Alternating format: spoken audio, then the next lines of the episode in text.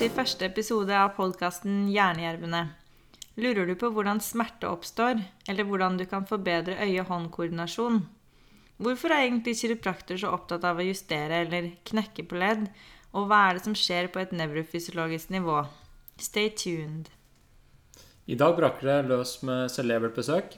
Vi har nemlig intervjua Heidi Håvik, kiropraktor og forsker med doktorgrad i nevrofysiologi. Heidi er norsk, men har studert og bosatt seg i New Zealand. Og derfor så switcher vi litt fra norsk til engelsk eh, midt i intervjuet. Eh, Men i tillegg til å drive forskningssenteret på kiropraktorskolen i Auckland, New Zealand, er Håvik også adjunkt professor ved University of Ontario, Institute of Technology i Oshawa, Canada, og er medlem av Verdensforbundet for kiropraktikkens forskningsråd. På få år har hun mottatt en rekke forskningspriser og har utgitt, utgitt en rekke artikler i anerkjente tidsskrifter. Hun sitter også i redaksjonen av Journal of Manipulative and Physiological Therapeutics og Journal of Chiropractic Education. Ladies and gents, Heidi Håvik. Tusen hjertelig takk for at vi får møte deg. Du er faktisk vår første gjest på er flott. Det er veldig koselig. Rockestjerne på første podcast. En real chiropractic rockstar. Ja. Hva er det du gjør i Norge nå? Hva jeg gjør i Norge? Jeg er hjemme på besøk hos familie. Med Min eh, mor og far og begge brødrene mine og familien deres bor her. Så jeg er hjemme i Vikersund og i Oslo og i Hole. Ja. For du bor, bor i New Zealand. Jeg bor i New Zealand. Jeg dro på et seks måneders besøk, men det er 24 år siden. og har aldri klart å komme meg helt hjem igjen.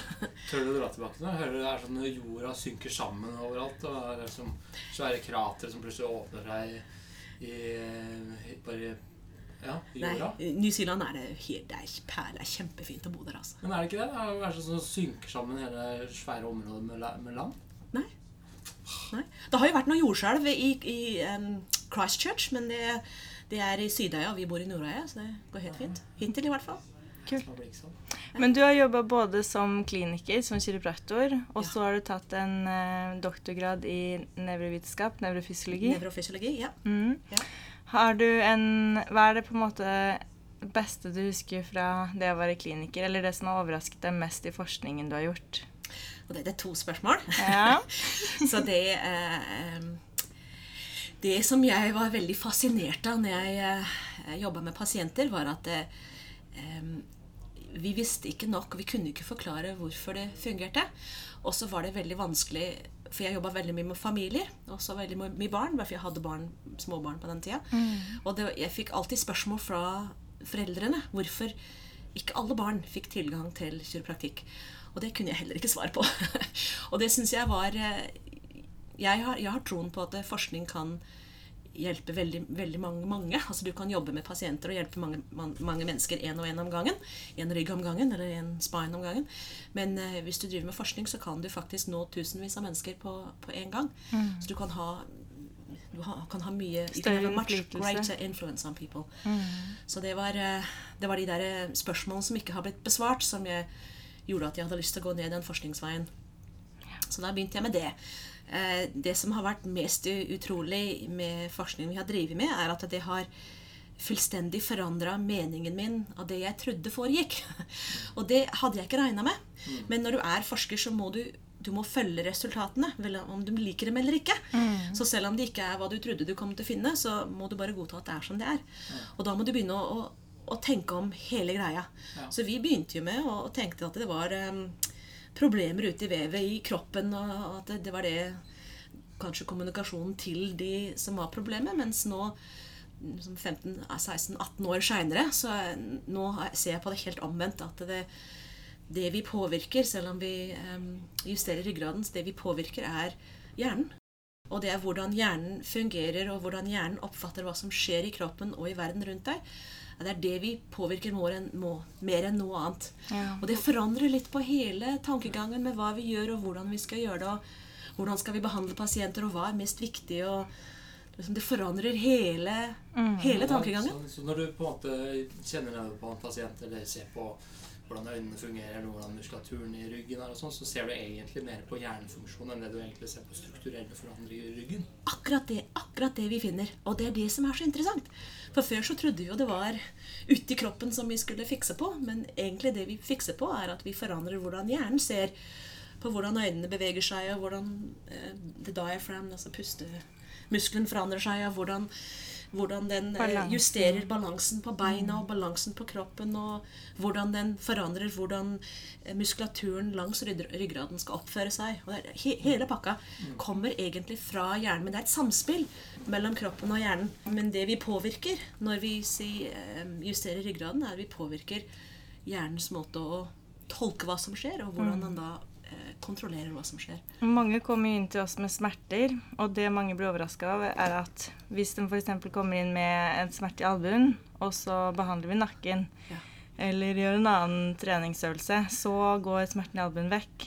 Og fra et nevrovitenskapelig perspektiv, da, kan du forklare det enda? Ja, det, det er faktisk veldig interessant, for det vi vet nå eh, innen nevrofysiologi, er at eh, all smerte er eh, eh, Det kommer fra hjernen. Altså, du, smerte finnes ikke i albuen. Du, du føler at du har vondt i albuen, men det, det er hjernen som gir deg den følelsen. Og, og den kan også ta vekk den følelsen. og hvis vi tror innen den um, I, I might have to switch to because I know this better in English. Because what we know now is that if you can get if you get incongruent messages coming to the brain from a certain part of your body, the brain can interpret that as a problem and give you or make you feel pain. So we think that when we adjust people, say you adjust the neck, but the pain in the elbow changes, it could be because knowing where your spine is, you, you can't move your arm without knowing where your spine is. It's always the arm is moved in relation to something else, so it's moved in relation to the core of your body. So when we adjust the spine, the brain may then be more aware of what's going on in the spine, which might help it then send the more correct messages in the correct order to your arms. And that might not have been happening before. So that could be one of the reasons that their pain can disappear. Uh, another reason is that, you know, with many studies now, we've shown when we adjust the spine that we actually change function in a part of the brain called the prefrontal cortex. This is, again, just a hypothesis as to why you can um, change pain in the elbow when you're adjusting the spine because that part of the brain that we know that we influence we don't know if it's a good thing or not yet but we've done many studies showing we change it and that part of the brain is where your pain sensation it's like a volume dial so you can actually turn up and down the sensation of pain anywhere in the body by influencing that part of the brain so it could literally just be that we're turning the pain sensations off at the brain level or that it's getting incongruent messages that it's not fully aware of where the arm is. We've done another study showing um, that when people have ongoing problems with their spine, even though they're pain free on the day, totally pain free, their brains are less aware of where their elbow joint is. So if the brain doesn't fully know where the elbow joint is, and by the way, when we adjusted those people's spines, their brain was more accurately aware of where their elbow joint was. So it could just be that the brain doesn't know where the elbow joint is accurately because the spine's not working properly, and, and therefore when you adjust the spine, the brain becomes better aware of where the elbow joint is. It will therefore can control it in a better way, and also in relation to the spine because all movements need to be in relation to something else. So there's there's many different ways to explain why we might hmm. be helping. You could even physiologically even just think of all the muscle connections. You know, I mean, the, the shoulder is connected to your neck mm. you know, vi- via a whole lot of different muscles. And so, if we're changing the way the, the, the spinal muscles are controlled, it's going to biomechanically influence how you're, you're moving your shoulder joints and your elbow joints as well. Good. Yeah, Bra, takk. So, many, many options. Mm. very nice. So would you say that you know an, a chiropractic adjustment has an influence more on a, a central or a brain level, or uh, but also on a segmental level, like periphery, or So when you say seg- segmental, do you mean local like a reflexive level, or do you mean because we don't really think anymore that we are relieving pressure off spinal nerve roots? You know, Yeah. that's- No, but for That's- example, that's kind of um, muscles school. relaxing locally around the area you. yeah, yeah. Well, that that we can't really answer yet. Yeah. So I, I think you probably find that it's a bit of both. yeah, But I think there's a big and a surprising effect on the brain. That's what we didn't that's what was surprised us so much. Uh, yeah, so I do think we have local effects, and I and I know we have local effects because there's experiments have shown that we have local effects. A lot of Joel Pickar's work has shown in animal research that you can actually impact the the, the muscles. Uh, Herzog's work has shown that you can have neurophysiological reflexes in the muscles surrounding the area and even distant to the area where you adjust the spine. So we know you have local effects. Um, but we also have this central effect, and it's probably a combination of the two and the ongoing changes in the way the brain's controlling spinal movement that, that would influence the whole body physiology. Så nevroplastisitet og neuroplasticity det er ganske nytt begrep for folk flest. Det er det, selv om Og det er veldig rart, fordi innen forskningsverdenen så har vi visst dette siden 80-tallet, minst. At, eh, at hjernen forandrer seg hele tiden. Men, men, men det, er ganske, det er faktisk ganske normalt. At um, Again, in English, they say that the um, the, the life of new knowledge before it becomes common knowledge so when you've got new findings it takes about 30 years before that becomes common knowledge so it's just hitting now that, that now it's almost becoming common knowledge you, you see it everywhere it's all about the brain it's about neuroplasticity because it's about that 30 to 40 year period and so yeah people that went to school 20 30 40 years ago all of this would be new to them but there's a lot of knowledge now yeah. Da må jeg bare spørre, hvor tror du det er om 30-40 år? Åh, gud bedre, det er spennende, det vet jeg ikke. men, eh, men det jeg tror er at um, I, I think we will, we will see a, um, a change in the utilization of chiropractic care, and I think we'll see a change in the understanding about the mechanisms, a big change, because it's already coming now, and there's already 20 years of research showing the neuroplastic effects. So if we, you know, if we take the same 30, 40 year time period, in 20, 40, 30 years, it will be common knowledge that you can actually go and see your chiropractor and, and a lot of more people will see a chiropractor. A bit like, you know, people didn't brush their teeth, hmm. you know, hmm. not too long ago, hmm. and they didn't go and see a dentist unless they were dying with pain. And I think we will see a similar change when they start, when it becomes more common knowledge, the kind of benefits that people can get from getting their spine adjusted. It's so gentle, it's cost effective, people love it, it's safe. Yeah, what, and it has what kind of benefits are you seeing in the research? So what we've mention? what we've what what's um, been documented so far mechanisms wise is that we can change the way the brain's aware of where your arms and legs are. So uh, proprioceptive ability. So it's it's it means that your brain's aware of where your body parts are even with your eyes closed. Er den sansen å vite hvor kroppsdelene er. Uh, we've seen changes in the way their brain can um, process sound and visual information, which is really surprising. But it's um, uh, faster. You can process sound and visual information faster and more accurately after being adjusted, which is mind boggling. Uh, it changes in um, other sensory motor integration. There's been 20, 30 studies showing changes in sensory motor integration, some of them linked with um, like better control of, of, of muscles. Um, there's uh, oh, heaps. Um, You mentioned the Uh, abdominal core. switching on core muscles in the right time and the right order, being able to mentally rotate objects in space, um, What would that be good for? uh, identifying objects. Yeah. So if you if you switch all that question around and say what would it be good for, then again, for eksempel. For a regular person, like watching Netflix in the couch, laying well, on the say, side. say we could give the example of driving a car. yeah. So if you're driving a car, uh, you know, can you imagine that it would be good for your brain to be able to accurately pick up on, say you're driving fast, would it be good for you if your brain could pick up as fast as possible and as accurately as possible what you see and hear? Would it be good for you if you can identify objects um, quickly and accurately? would it be good for your brain to know your, what your arms and legs are doing without having to look at them? And that's when it can start to, you can see the relevance as to why is this kind of research interesting. Yeah, so exciting. It's very exciting. Yeah.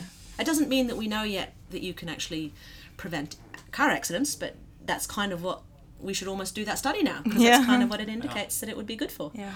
Or sports or little kids at school or you know, but again we just need to do so much more, More research. research. Ja, fantastisk bra. Du gjør så vanvittig mye bra forskning, og vi er så glad for at du kunne være her.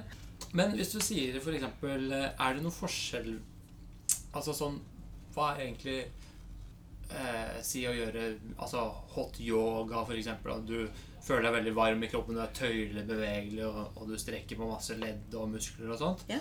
Eh, er det ganske likt som en kiropraktisk behandling, kanskje? I effekten av- på hjernen? Det spørs hva du gjør i den kiropraktiske behandlingen. Hvis, eh, jeg, jeg tror de fleste kiropraktorer, men nå, nå også nå I'm assuming, eh, justerer ryggraden. Og det er en veldig sånn eh, fort justering av ryggraden. er Veldig skånsom og, og gentle, men, men det er jo en veldig sånn kjapp justering. Og da we influence the the stretch receptors of the muscles when you do that. If you're just moving around and slowly stretching movements like an immobilization or yoga or stretching your own muscles, you you would be influencing different um, receptors. So like the different kinds of like Golgi tendon organs, they they're the ones that would respond to a slow stretch of a muscle. The really fast stretch that we probably are influencing also muscle spindles when we when we do the the fast adjustments. They're still very gentle, but they're so quick. And because they're so quick, we're actually probably getting to the muscle spindles. That's what, um, again, some animal research is indicating. Okay. So it would have a, and it seems to have its own unique effect. But in saying that, there are other studies that we've done show similar effects from the adjustments to exercising. So that's kind of interesting. But but again, it's kind of interesting because you do one adjustment session, and it was equivalent to three weeks of strength training in the gym. So it, it means it's quite a profound impact, is Yeah. what I'm trying to say. Right. That one adjustment session, but we don't know how long does it last. You know, does it work on everybody? And so there's there's so many more uh, questions to, to answer. But it's a, it's very in- interesting. We have this profound impact on central neural functions or, the, or brain function. How could possibly someone know whether they should see a chiropractor or not? Is it only if they have pain, or what, what would you say to them? Now, you actually don't need to be in pain, and that's the really, really uh, another really interesting thing. A lot of the work that we've done has actually been in people that didn't have pain. They may have a history of ongoing ache, pain, or tension in the spine, but there, you know, there could be other effects that they might have. They might it might not be pain. It could be clumsiness. It could be uh, concentration ability, because you know, again, this part of the brain that we know we we impact is actually your prefrontal cortex, all of executive functions. So not being able to concentrate or think properly or focus or pay attention. Or I'm not saying that that's proven for, for a fact yet, but it could indicate that you could have all of those things. And that could be one of the reasons that you actually needed to get checked and adjusted. So it's uh, it's a hard one to say because you almost need to go to the chiropractor and, and try it out. But that's no different than you know trying out exercising in the gym and seeing if it's working for you. yoga, se om det Yeah. Yeah, yeah. Sant? So you know, I, Give it a I shot. would say give it a shot mm. because it's yeah again cheap. It's you know people patients usually love it, mm. and and you will know you'll know very quickly within I'd say the first six to eight weeks you would know mm. how it's impacting you. Så hvor mange ganger sånn sirkus eh, Altså, eh, Mange tenker liksom ah, Må jeg gå så ofte? Eller eh, hvor ofte bør jeg gå til kiropraktor? Og sånne ting. Hva vil du Jeg tror faktisk det er litt som trening. Altså er, for jeg tror det vi egentlig gjør, er å trene de små musklene helt tett inntil eh, ryggraden og skallen, hodeskallen. Og når du trener muskler, så til å begynne med så må du gjøre det litt intenst. Altså det, da hadde kanskje lønt seg å, å gå to-tre ganger i uka, hvis det er mulig. Men du trenger ikke gjøre det mer enn en, ja, kanskje fire, fem, seks uker. Og så kan du trappe det ned. Ikke sant? Når du kommer deg i form og kommer deg i bedre kondis, så kan du holde det ved like med mindre. Men uh, again, it's totally up to the to the people themselves and what they're experiencing. I've I've seen people in as a as a chiropractor myself, and I've seen them once a week. I've seen some people only came for two or three. Uh, sessions because that's all they wanted. They wanted me to fix them then and there, and then they went off again, and I didn't see them for another year until they came back with the same problem. Yeah. So it's it's again, it's totally up to people themselves. I think the best um, effects, again from some research studies, especially when it comes to headaches and low back pain, is indicates that the more you're seen to begin with, the the better effects you have, and they last. It lasts longer. The effects, the, the good effects, last longer. So if you if you say had issues again, especially if it was headaches or low back pain, if you were seen at least two or three times a week, you had a far better response, and that was in the first six weeks. Far better response, and the response lasted for over a year. Wow. So it's quite it's quite impressive, eh? That you know, and that's that's relatively new research. Ja. Because again, Så, ja. yeah, relatively new research. But I don't know if that's the same if you were if it was for konsentrasjonsevner or if it was Ja. for Det er kanskje litt lignende mekanismer som f.eks. å lære seg et nytt språk eller sånne ting. Altså, det, må Det må være en viss repetisjon og en viss intensitet. Til å du begynne med. Ja. Og, og, og straks du har det fatt i gang, så kan det vedlikeholdes med litt mindre, Mm. tror jeg. Du, Et spørsmål som mange pasienter og lyttere ønsker svar på, er er det farlig å knekke på fingrene dine. Det er det faktisk ikke, og det er det faktisk Det har vært forskning på. Ja. Ja, det er faktisk forskning på det, og det er ikke noe forskjell på de som knekker fingre, og de som ikke knekker fingre. Og de har til og med knekt fingre på én hånd og ikke en annen hånd i mange år. Og så fulgt dem, og det er ikke noe problem er med. ikke krokete og ferdig. Nei, det er We literally say it's, it's literally releasing gas from between the joints, that, that, den knekkelyden. It's literally the release of gas from between your joints, and it's no more uh, important than any other release of gas from the body. um, sånn avslutningsvis Nå tror jeg Ja, du nå tror jeg de pakker opp her. Ja. Em, nå så hadde vi egentlig tenkt å ta sånn Jeg vet ikke om jeg har vært med på det Kill Fuck Mary, og så sier jeg BJ Palmer, har, Men- men jeg har ikke hørt om det, men hva må jeg gjøre? Du skal vel slippe det. Vi tar fem kjappe spørsmål. Ja. Uh, og da begynner vi med Norge eller New Zealand. Hva mener du? Pick, pick one. Hvis du skulle velge. Norge. Mm, det er riktig svar. Øl eller vin? Vin. Bryst og biceps eller rumpe og lår? I don't know. I don't First thing that comes to your mind. I don't really care. Next. Good. Ok, vegansk eller kjøtt? Hæ? Vegansk. Kjøtt. Kjøtt. Og hvem vinner fotball-VM i år? Vet Jeg er så lite interessert i fotball at det er forferdelig. Ja. Men, men eh, broren min, da Nå ble jeg altså Jeg ble nesten uh, slengt ut av familien hvis broren min hører på dette. Så jeg håper, håper han ikke hører på det. Vå- Vålerenga, er de med? eller, eller er Det var dette akkurat som kjæresten min. Eller er det liksom- han eh, spiller Rosenborg Or, or is it uh, like Manchester United? Det er de to teamene han heier på. Ja, ja. Kan jeg si det? Ja, men du kan mye om uh, neuroscience. Det er de, vet du. Jeg har andre interesser. Ja. Du er veldig god på det. Og nå har du hvor mange How many pub, soon to be published articles do you have waiting? Oh, we've got. I think we've got. f- I've published 46, and we've got at least 46 sitting there waiting. That's Might actually be 63. I might have that wrong. That's Yeah. fabulous. Yeah, but uh, thank you so Thanks, much for Vanessa. doing everything you do. Thank you. Yeah. I really do enjoy What's it. your motivation to get up and do and be so efficient and What's my motivation? I just think that there's a lot of people out there that really do um, miss out, and that they can live uh, healthier lives. They can live more fulfilling lives. They can live more at their optimal potential. And I think they're missing out. And I think something like chiropractic, because it's so simple and easy and and nice and Cost cheap efficient, and cost safe. efficient and safe, yeah. And I just think it should be it should be more utilized. And at the moment, I think it's underutilized. People Yeah. deserve to get access, and that drives me. Yeah. Yeah. Definitely. Especially kids. I think them growing up can have such an impact on their lives. Tusen hjertelig takk. Fantastic. Tusen takk. Yeah. Tusen hjertelig. Vi ses igjen. Okay.